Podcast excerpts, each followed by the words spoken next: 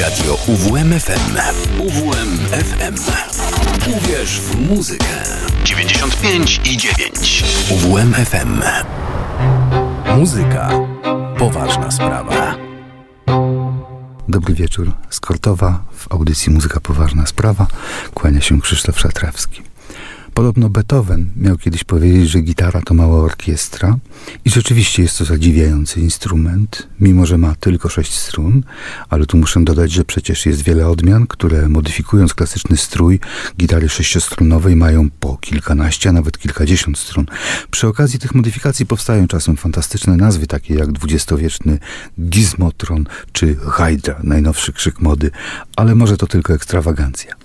Niezależnie od wariantu, kolejne pokolenia gitarzystów i kompozytorów odkrywają w tym skromnym instrumencie coraz więcej możliwości kształtowania melodii, akompaniamentu, rytmu i harmonii. Zacznijmy od największego przeboju literatury gitarowej, znanego wszystkim Concerto de Aranjuez Joaquina Rodrigo, a ściślej od środkowej części w tempie Adagio. Na gitarze Alfonso Moreno, a towarzyszy mu Orkiestra Symfoniczna Państwa Meksyk pod dyrekcją Enrique Batiza.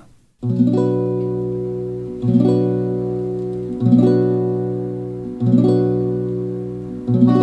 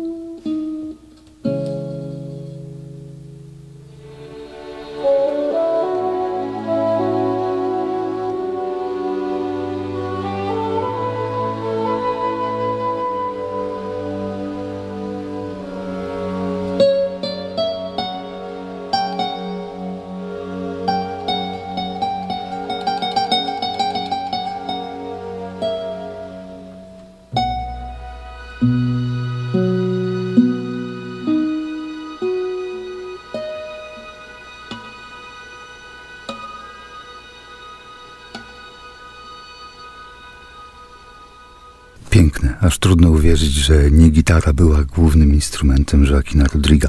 Był on bowiem wirtuozem pianistą, a jeszcze większy podziw jego muzyka budzi, kiedy zdamy sobie sprawę, że muzyki uczył się z nut zapisanych alfabetem Braille'a, bowiem w wieku trzech lat wskutek błonnicy całkowicie stracił wzrok. Jako Hiszpan gitarę czuł doskonale, o czym przekonuje cała seria napisanych przez niej koncertów gitarowych. Już domyślamy się, w dzisiejszej audycji Muzyka Poważna Sprawa króluje gitara. Tak się bowiem złożyło, że audycja w cyklu Stany Nieokreślone w miniony poniedziałek poświęcona była gitarze jazzowej i rockowej. Wypada więc, aby w cyklu Muzyka Poważna Sprawa również pochylić się nad literaturą na ten popularny instrument i może trochę nad historią gitary. A historia to długa, pełna zwrotów i wiraży, obfitująca w piękne muzyczne wizje. Jednym z największych wirtuozów i kompozytorów gitary w XIX wieku był Francisco Tarrega. Posłuchajmy w nagraniu współczesnego wirtuoza Milosza Karadaglicia dwóch miniatur Tarregi, Endecha i Oremus.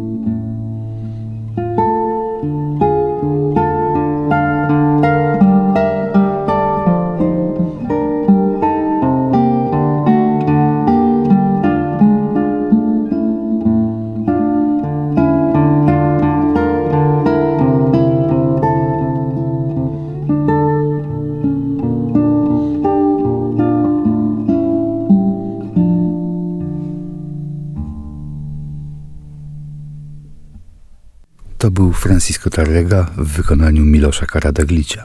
Przyznają Państwo, że nie wystarczy wzorowa technika, aby wyczarować ze strun taką poezję. Potrzebna jest jeszcze dusza. A skoro tak przyjemnie muzyka Tarregi zabrzmiała, przypomnę jeszcze jeden jego utwór, Grand Vals, z którego Nokia swego czasu wyrwała swój sygnał. Nie mam nic przeciwko cytatom, ale wypadało na pudełkach zamieszczać informację, że swoje przychody i wizerunek zawdzięcza Nokia kadencji z utworu Francisco Tarregi. Koncern tego jednak nie zrobił, a zła karma wraca i dziś już coraz rzadziej pamiętamy o tej marce.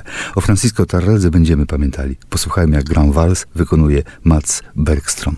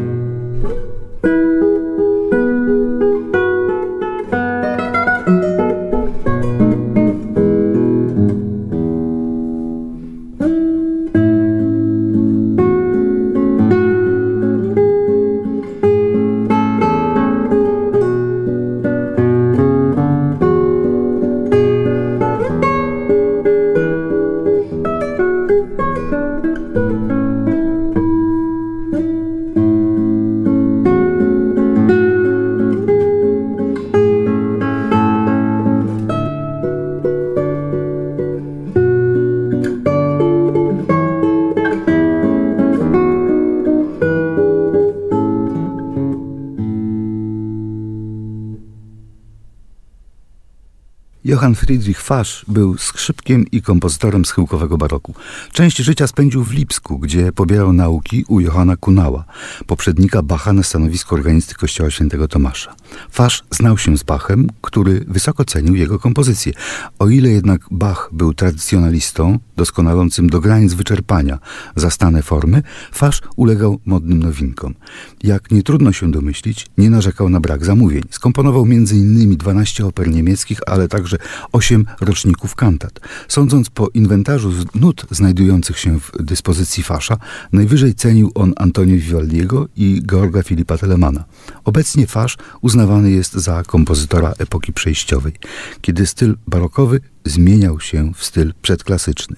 Posłuchajmy trzeciej części z koncertu Demol Johanna Friedricha Fasza, gra Józef Szapka, z Słowacką Orkiestrą Kameralną dyryguje Bogdan Warhal.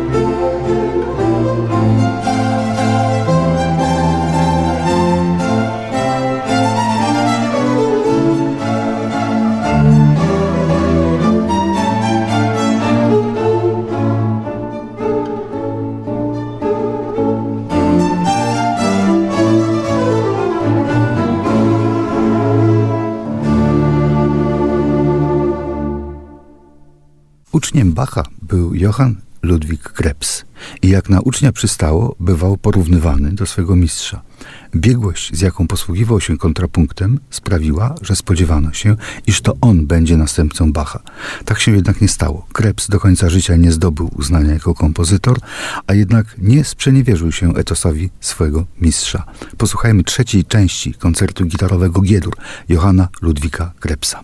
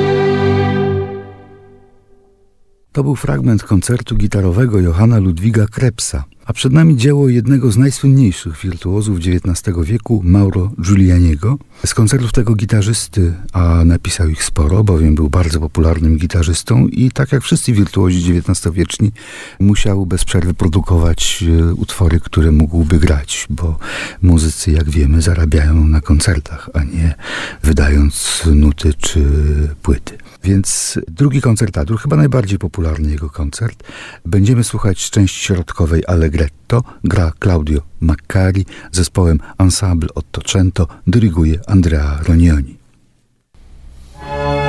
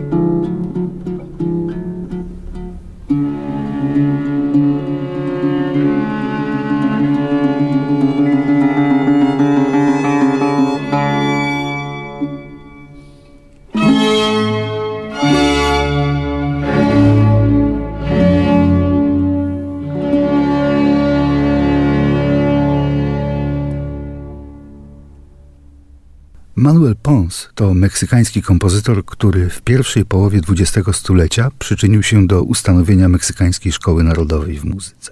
Biorąc pod uwagę popularność gitary w meksykańskiej muzyce ludowej, nie dziwi, że Pons do tego instrumentu odwoływał się często.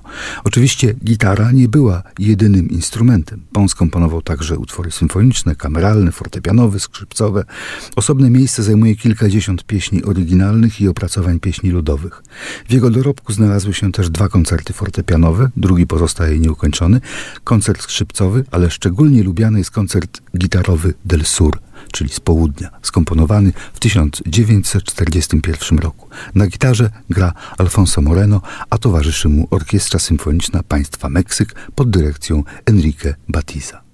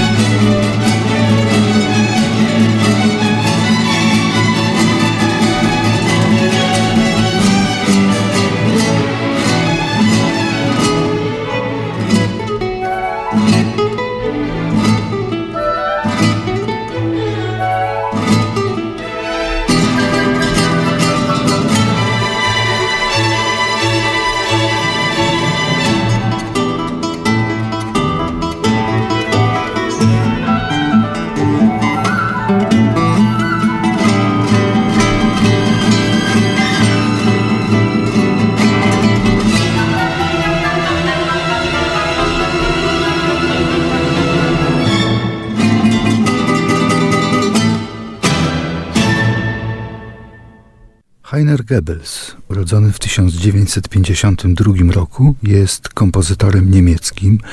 Łączy szerokie spektrum doświadczeń stylistycznych od muzyki filmowej po jazz. W 1993 roku Peter Rundel z zespołem Ensemble Modern nagrał płytę z kompozycjami Heinera Goebbelsa dla wytwórni ECM. Czasu mamy niewiele, więc posłuchamy tylko fragmentów z tej płyty. Oto początkowy fragment utworu La Jalousie w zasadzie jest to muzyka baletowa, a po wyciszeniu fragment utworu Red Run. Ensemble Modern dyryguje Peter Rundel. Warto zauważyć, że nie są to koncerty. Nie jest to gitara solistycznie traktowana, ale gitara, która się wtapia w orkiestrę i gitara elektryczna ze wszystkimi elektronicznymi przetworzeniami. To daje dodatkową przestrzeń temu instrumentowi i sprawia, że gitara nagle okazuje się instrumentem, który bardzo ładnie wchodzi w dialog z zespołem, a zespół to też nie byle jaki, bowiem Ensemble Modern, kiedyś gościliśmy ich na warszawskiej jesieni, to zespół złożony z wirtuozów, troszeczkę na wzór orkiestr takich jak w Mannheim na przykład, czyli orkiestr, które tworzyły muzykę, przełom klasyczny w muzyce, dlatego że składały się wyłącznie z solistów, z wirtuozów i tutaj mamy taką samą sytuację. Jest to zespół złożony e, z wirtuozów. Każdy z muzyków tego zespołu mógłby spokojnie być solistą dowolnego niemalże koncertu.